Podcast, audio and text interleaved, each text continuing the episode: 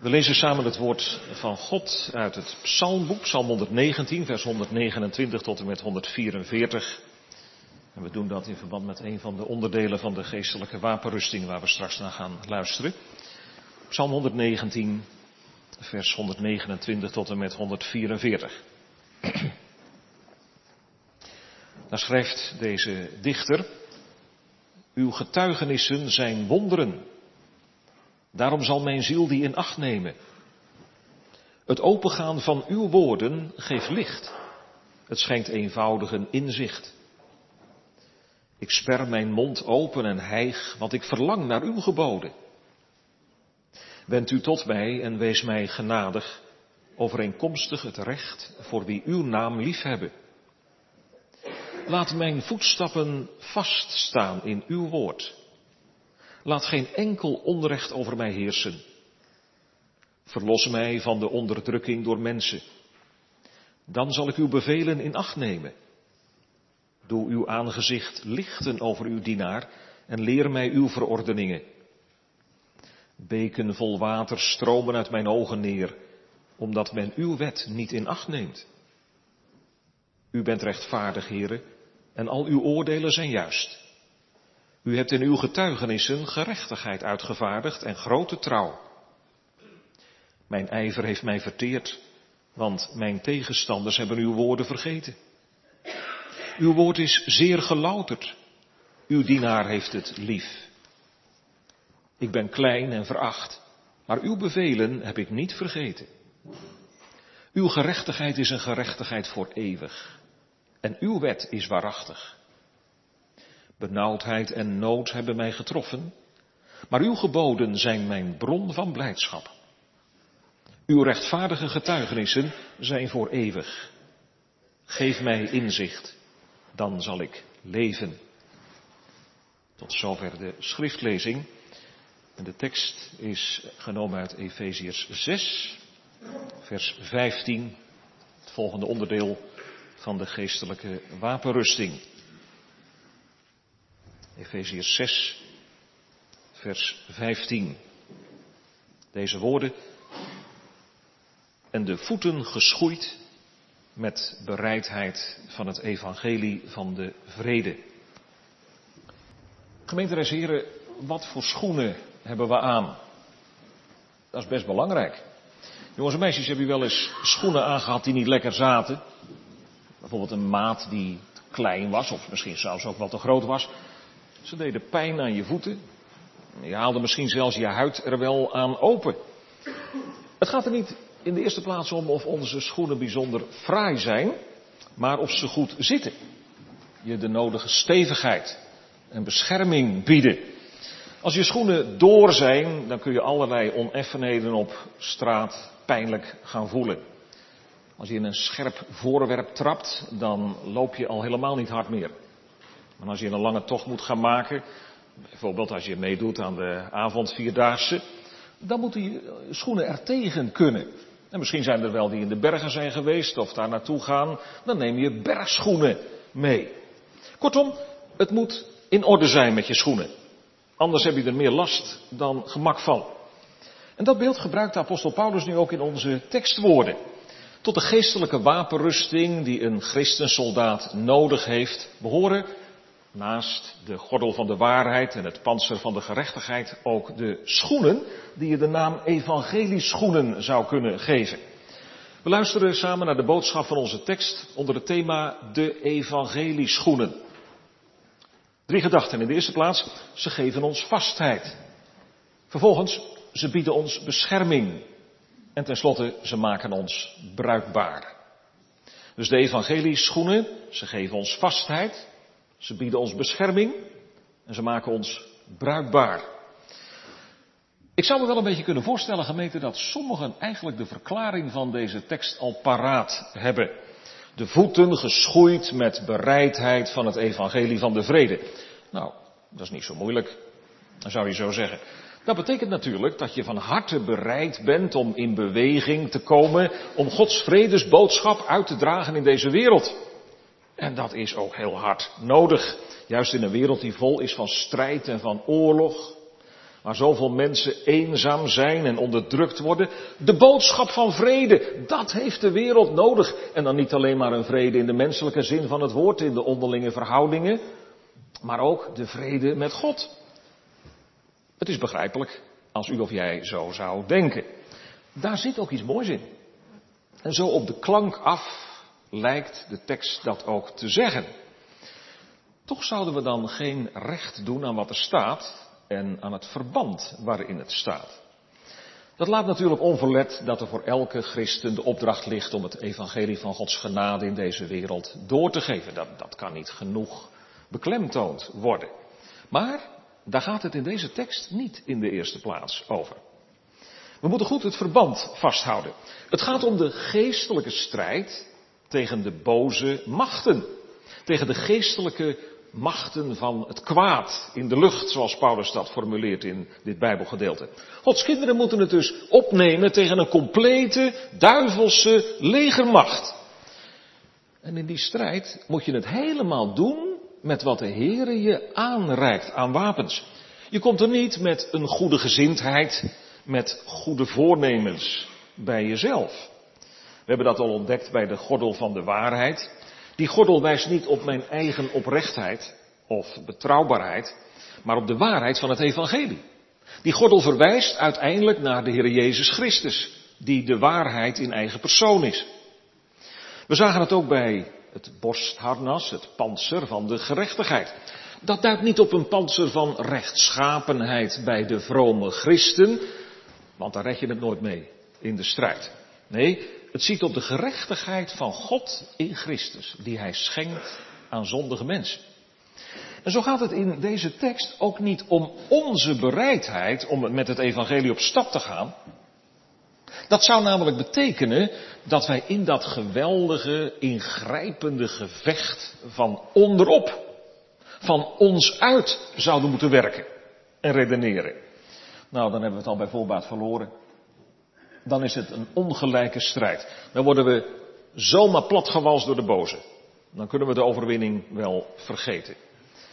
Wat is geloven ook alweer?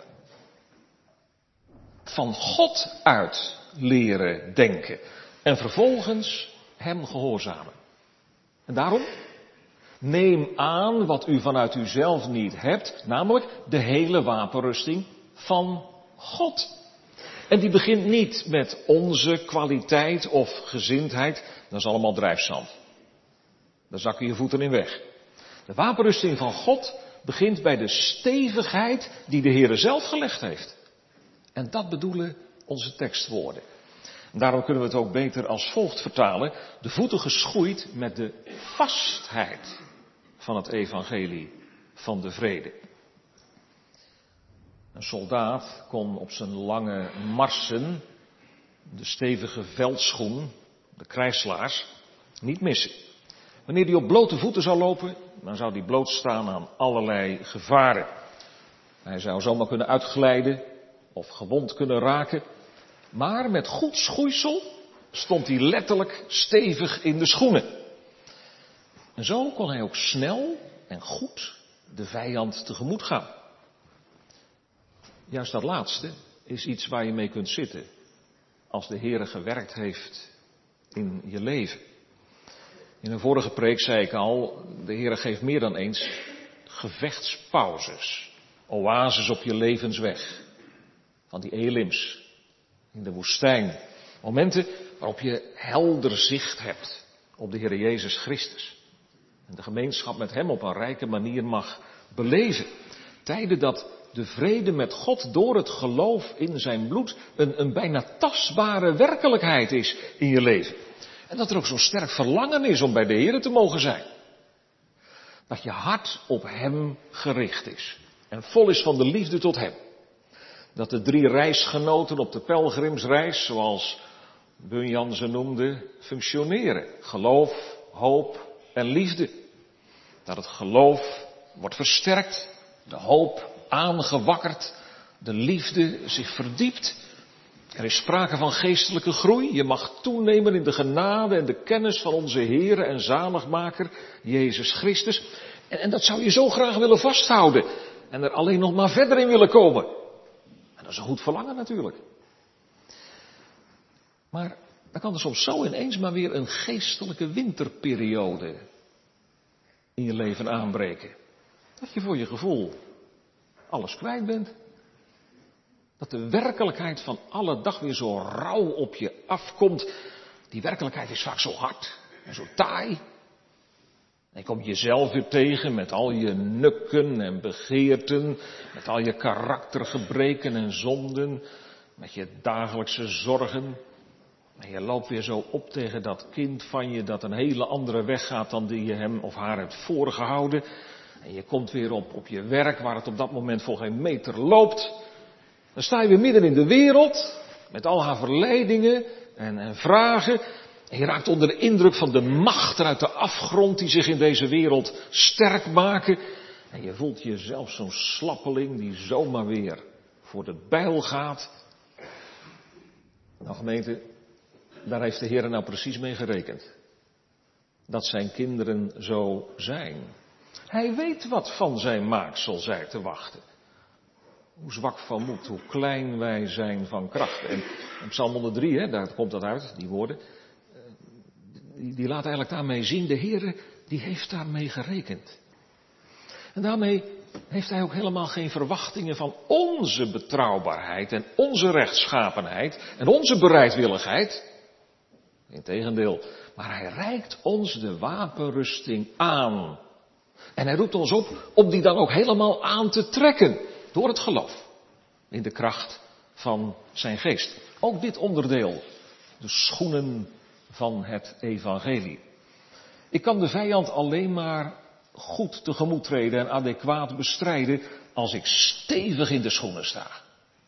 Nee, nogmaals niet in mijn eigen schoenen, als een mens die de mouwen opstroopt en de vijand in eigen kracht uitdaagt. Kom maar eens op, je bent toch geen partij voor me? Dat, dat zijn schoenen van bordpapier. Jongens en meisjes, heb je wel eens schoenen van papier gedragen?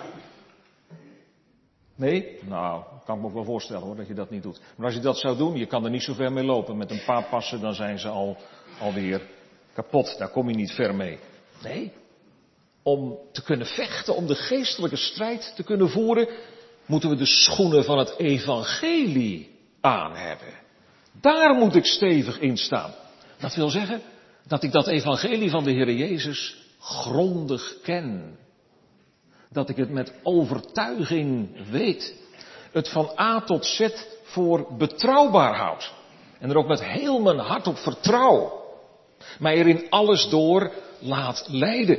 Dat ik er zeker ben dat het het woord van de waarheid is. En dat ik op de drie enige God aan kan. En dat ik het beleid. Amen, goddelijk evangelie. Amen, zegt mijn ziel daarop.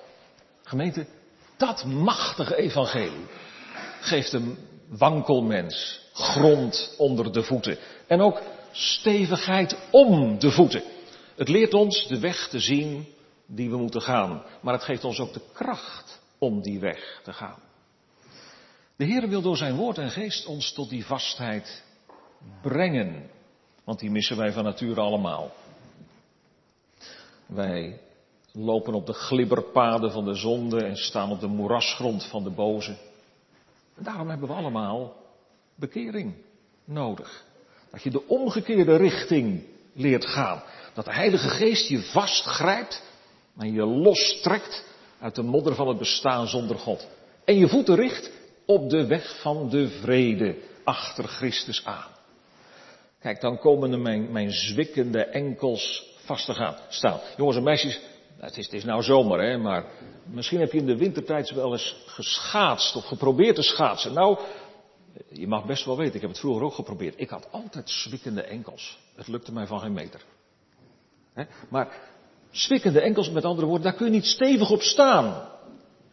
Het evangelie wil ons vastmaken. En wil ons doen staan op het pad waarin je je nooit kunt vergissen. Maar vervolgens is de Heer er ook op uit om mij in die vastheid te doen toenemen. Hij wil zijn kinderen, die nog zo vaak kunnen wankelen, steviger in de schoenen laten staan. Ze bevestigen in het evangelie. Ze bevestigen in Christus. zoals Paulus dat in een andere brief noemt. Vroeger, ouderen weten dat wel, sprak men wel eens over een bevestigde christen. En daarmee bedoelde men iemand die een vaste gang in het evangelie had gekregen.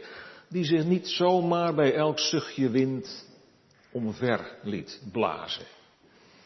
Nou, u die de Heer niet kunt missen in uw leven, maar wie er misschien vaak toch nog zoveel twijfels zijn, sta daarnaar. Wees daarop uit om een bevestigde christen te mogen worden.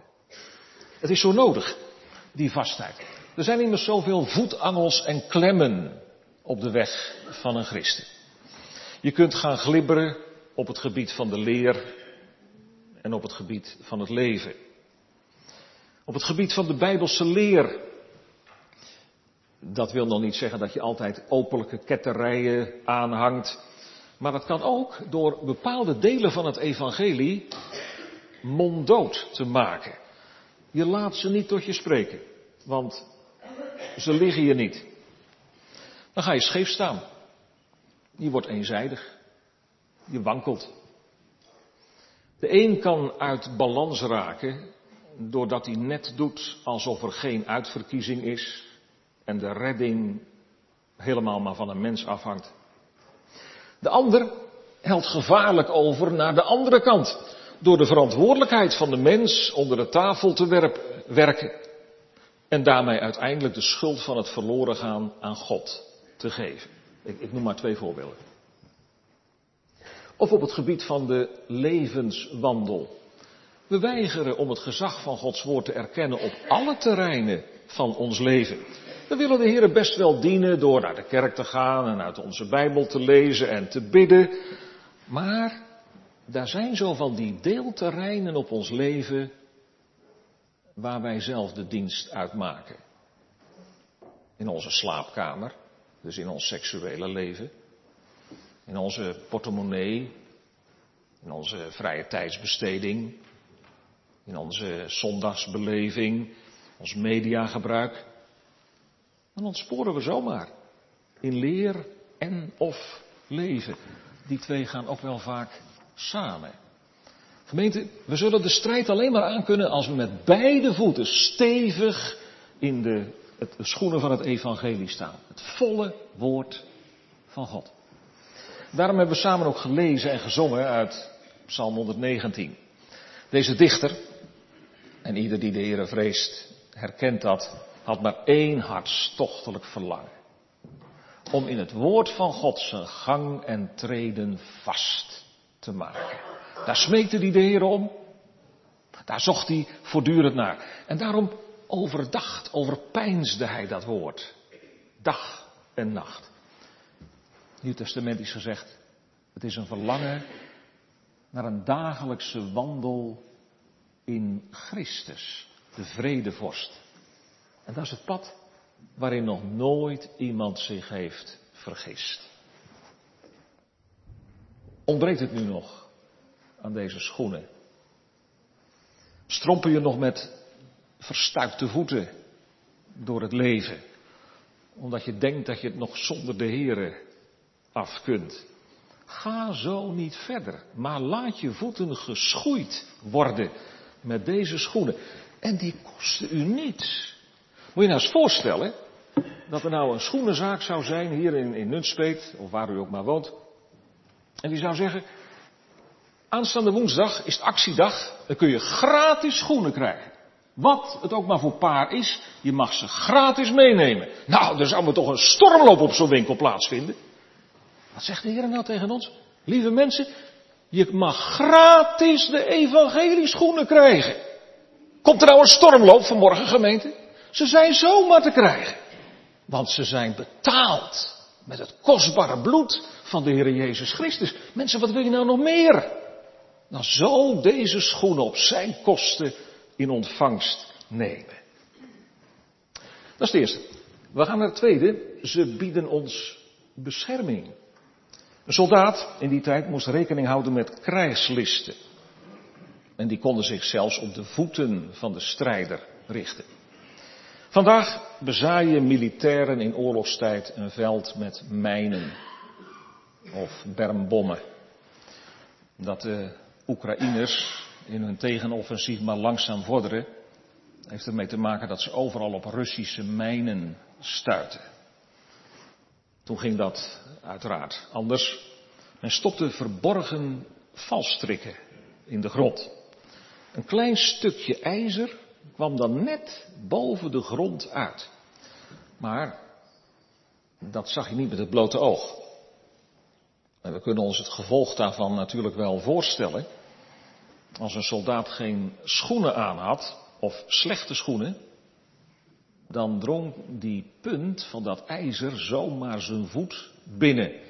Met alle, gevolgen van dien, pijn, bloed, infectie. En natuurlijk niet of nauwelijks verder kunnen lopen. Niet meer weerbaar in de strijd tegen de vijand. Schoenen aan dus. En goede. Dat uit op bescherming tegen de krijgslisten van de duivelse tegenstander. En reken er maar op, gemeente, dat hij er heel wat in zijn trucendoos heeft. Te veel om op te noemen. Ik doe er maar een kleine greep uit. Met de bedoeling dat we zullen zien waarom wij die beschermende evangelieschoenen zo hard nodig hebben. Satan is in zijn wezen een brullende leeuw. Die zoekt wie hij kan verslinden. Maar als het hem slimmer lijkt, dan laat hij zich niet als zo'n leeuw zien. Net zoals je dat ijzer net boven de grond in dat gras niet ziet. Satan kan dan poeslief worden. Kameraadschappelijk zelfs. Wat hij zegt, dat klinkt zo kwaad nog niet. Hij heeft, hij heeft misschien wel gelijk, denk je dan. Vooral als hij met halve waarheden komt en driekwart bijbelteksten citeert. Ook als hij je via aardige mensen tegemoet treedt, die je toch echt niet van kwaad zou willen verdenken. Staan wij dan zo vast in onze evangelieschoenen dat we kunnen zeggen, zijn listen, de listen van de boze, zijn ons niet onbekend. Ik heb zijn tactiek door. De bescherming van Gods kant door het evangelie is ook zo nodig als wij letten op de gelegenheden waarvan Satan gebruik kan maken. Om maar eens iets te noemen. Als je aan het lanterfanten bent, de kantjes eraf loopt, niet bezig bent met de taak die God je gegeven heeft. Natuurlijk gemeente, om alle misverstand te voorkomen, eh, ontspanning op zijn tijd is goed. En we gunnen elkaar van harte natuurlijk een vakantie. Er is zelfs ook zoiets als een heilig luieren voor God, zoals Luther dat eens plastisch uitdrukte. Maar het gaat hier om het nalaten van je taak op het moment dat je die wel zou moeten oppakken. En dan geldt, ledigheid is des duivels oorkussen. Op welk moment viel David in de zonde van overspel en moord? Op het moment dat hij nalatig was in het uitoefenen van zijn taak. Hij was niet aan het front, waar de strijd werd gevoerd en waar een koning op dat moment werd verwacht. Hij liet de strijd aan anderen over en hij koos voor zijn eigen comfort. Hij was aan het lanterfanten. Dat is een prachtkans voor de duivel en die zal hij niet ongebruikt laten liggen. Hoe vreemd het ook klinkt, hij kan ook van een geestelijk hoogtepunt misbruik maken. Als wij gaan rusten in onze geloofservaring op zich. Daar een grond van gaan maken voor onze zaligheid. Of ermee gaan lopen pronken naar anderen toe. Zie mij niet over het hoofd, hoor mij eens geestelijk wezen. Dan gaan we naast onze schoenen lopen. Dan gaat het fout. Wat kan ook moeheid en depressiviteit een invalshoek voor de boze zijn. Er zijn er onder ons die dat echt wel herkennen. Wat kunnen we ons soms op dat moment allerlei muizenissen in ons hoofd halen? We zien overal leeuwen en beren op de weg. Weet u wat dan ook bij de schoenen van het evangelie behoort? Dat je luistert naar wat de Heere heel nuchter tegen de moedeloze Elia onder de bremstruik zegt. sta op en eet. Anders houd je het niet vol. Elia, eet nou eerst maar eens wat. Ja, ook die heel gewone dingen kan de Heer gebruiken om een mens weer op de been te brengen. Hij wil er ook de geestelijke maaltijd, het heilige avondmaal, voor gebruiken. Als de levensweg zijn kinderen soms zo moeilijk kan vallen. En ze soms misschien wel eens denken, waar leef ik nog voor? Dat de Heer dan op zo'n avondmaalzondag tegen je zegt, sta op uit je bank en eet. Want anders zou je het niet volhouden. Zou de weg te zwaar voor je zijn. Satan kan ook in een situatie van tegenspoed Gods kinderen verzoeken en proberen hen van de Heer vandaan te trekken. Zeg God toch vaarwel, als dat de God is, die je dient, als hij je dit allemaal laat meemaken. Weet u wel, die engel die, van Satan, engel van Satan, die Paulus met vuisten sloeg. Wat wil het schoeisel van het evangelie dan ook weer bescherming bieden? Mijn genade is u genoeg. Trouwens, Satan kan net zo goed voorspoed misbruiken om een christen op eigen benen te laten staan. Dat je trots wordt. Dat je het helemaal geschoten en gemaakt hebt in het leven. Er is immers geen vuiltje aan de lucht. Pas op. Hoogmoed komt voor de val. Trek de goede schoenen van het evangelie aan. Dat evangelie dat zegt, weet u niet, dat de goede tierenheid van God u tot bekering leidt. Dat de zegeningen van de Heer in je leven je willen brengen tot een nieuw leven voor zijn aangezicht. Maar ook deze woorden. Heb geen hoge dunk van uzelf, maar vrees. Gemeente, zo wil het evangelie ons op allerlei punten bescherming bieden. Hij wil ons voor, het wil ons voor struikelen bewaren. Maar dan moet je die, die, die schoenen wel aan hebben. Helemaal. Niet half. Je moet niet met één been in het evangelie staan, halfslachtig. Een beetje van het evangelie, hè. Ja, je doet er wel wat aan en je bent er op een bepaalde manier wel serieus mee bezig. Maar ook een heel beetje van de wereldse levensstijl. Want je bent sterk gericht op geld, goederen, genieten. Je leest ook boulevardbladen naast je Bijbel. En je kijkt op tv of op je smartphone naar alles wat los en vast zit. Je laat het allemaal maar naar je toe komen. Maar dat kan niet. Ik zeg het ook tegen jullie, jongeren. Er is zoveel dat je aantrekt. Ik snap het. We hebben allemaal hetzelfde hart. Maar de Heer roept je op om met beide benen op de grond te staan. In de wereld van vandaag, met je ogen en je oren goed open naar alle kanten. Maar dan wel met je beide voeten in het evangelie. Anders gaat het fout. De Bijbel is er heel eerlijk over. Hè? Wie een vriend van de wereld wil zijn, die wordt een vijand van God genoemd. Daar zit niks tussen. Weet je, een beetje evangelie en een beetje wereld, dat betekent dat je met één onbeschermde voet op die scherpe punt staat. Op dat stukje ijzer in het gras. En dan verliest het complete lichaam zijn weerbaarheid. Je moet tenslotte eeuwig het onderspit delven. Gemeente, laat het evangelie er maar niet wat bij hangen in ons leven, dan beschermt het ons niet. Maar laat het ons hele hart hebben. Laten we er helemaal in staan. Ten slotte, geschoeide voeten maken ons bruikbaar. Er wordt hier nadrukkelijk gesproken over het evangelie van de vrede. Het evangelie heeft vrede tot inhoud. Het ontmaskert ons als vijanden van nature. Als mensen die zich soms heel geraffineerd verzetten tegen de Heer. En die vijandschap uit zich in verzet tegen het evangelie. In ongeloof. Een van de taken van de Heilige Geest is om ons daarvan te overtuigen. De Heer Jezus heeft het gezegd, als Hij gekomen is, zal Hij de wereld overtuigen van zonde, gerechtigheid en oordeel. Van zonde omdat zij in mij niet geloven. Dat is dus de grootste zonde, hè? dat je niet capituleert voor de Heer Jezus. Maar de geest weet mijn verzet te breken. Hij maakt mijn hart zacht. Hij brengt me aan de voeten van Christus. Daar worden vijanden met God verzoend door het bloed van het kruis. We lezen in dezezelfde brief in Oosten 2 vers 14, Christus is onze vrede. Door het geloof in Hem wordt het werkelijkheid. Wij dan, gerechtvaardigd uit het geloof, hebben vrede bij God door onze Heere Jezus Christus. Of is je hart nog zo onrustig? Leef je nog steeds op voet van oorlog met de Heere? De vredevorst Jezus Christus biedt u jou vanmorgen genadig de hand.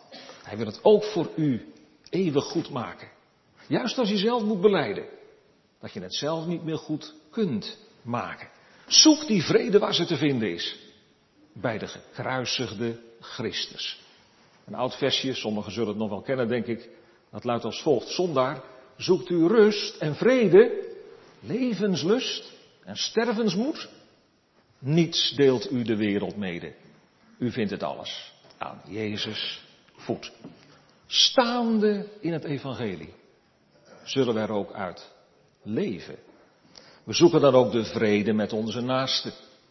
Jaag de vrede na met allen, zegt de brief aan de Hebreeën. En zo worden we ook bruikbaar voor de Heer. Zoals Paulus het in een andere brief zegt, geheiligd en van veel nut voor de Heer. Tot elk werk volkomen toegerust. Met de schoenen van het evangelie aan gaan we het pad van zijn geboden lopen. Levend vanuit de genade van de Heer Jezus Christus. En levend uit dat vredesevangelie ervaar je, zijn geboden zijn niet zwaar. Die dichter van Psalm 119, we hadden het ook nog kunnen zingen, zegt het ook zo.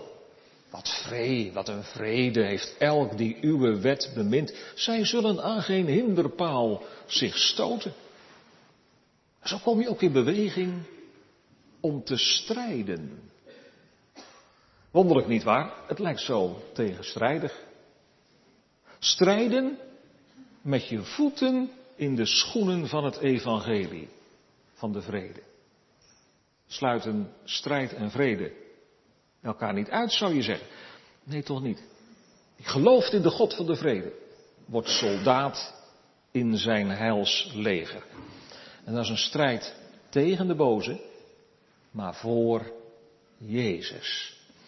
En dan ben ik ook bruikbaar om dat evangelie van de vrede door te geven. Daar waar de Heer mij gesteld heeft, in de buurt waarin ik leef, te midden van de collega's waar ik mijn werk heb te doen, of in een vakantie Bijbelweek zoals binnenkort, of misschien wel ergens op een camping. Dat is de goede strijd. Om anderen voor Christus te winnen. Dat mensen losgetrokken worden uit de klauwen van de boze en de God van de vrede leren kennen en dienen. Een christen is iemand die de vrede zoekt, maar de strijd niet ontwijkt.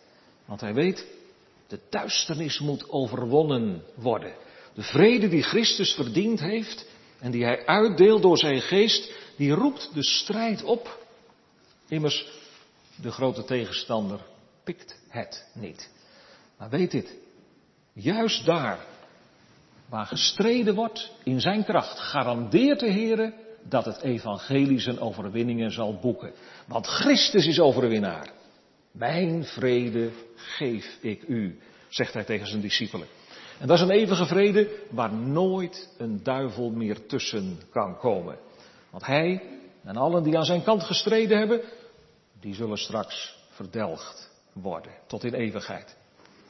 Gemeente, we gaan eindigen. Hoe staat het? Met onze schoenen. Hebben wij de goede schoenen aan, die ons hier getekend en aangereikt worden? Schoenen verloren, alles verloren.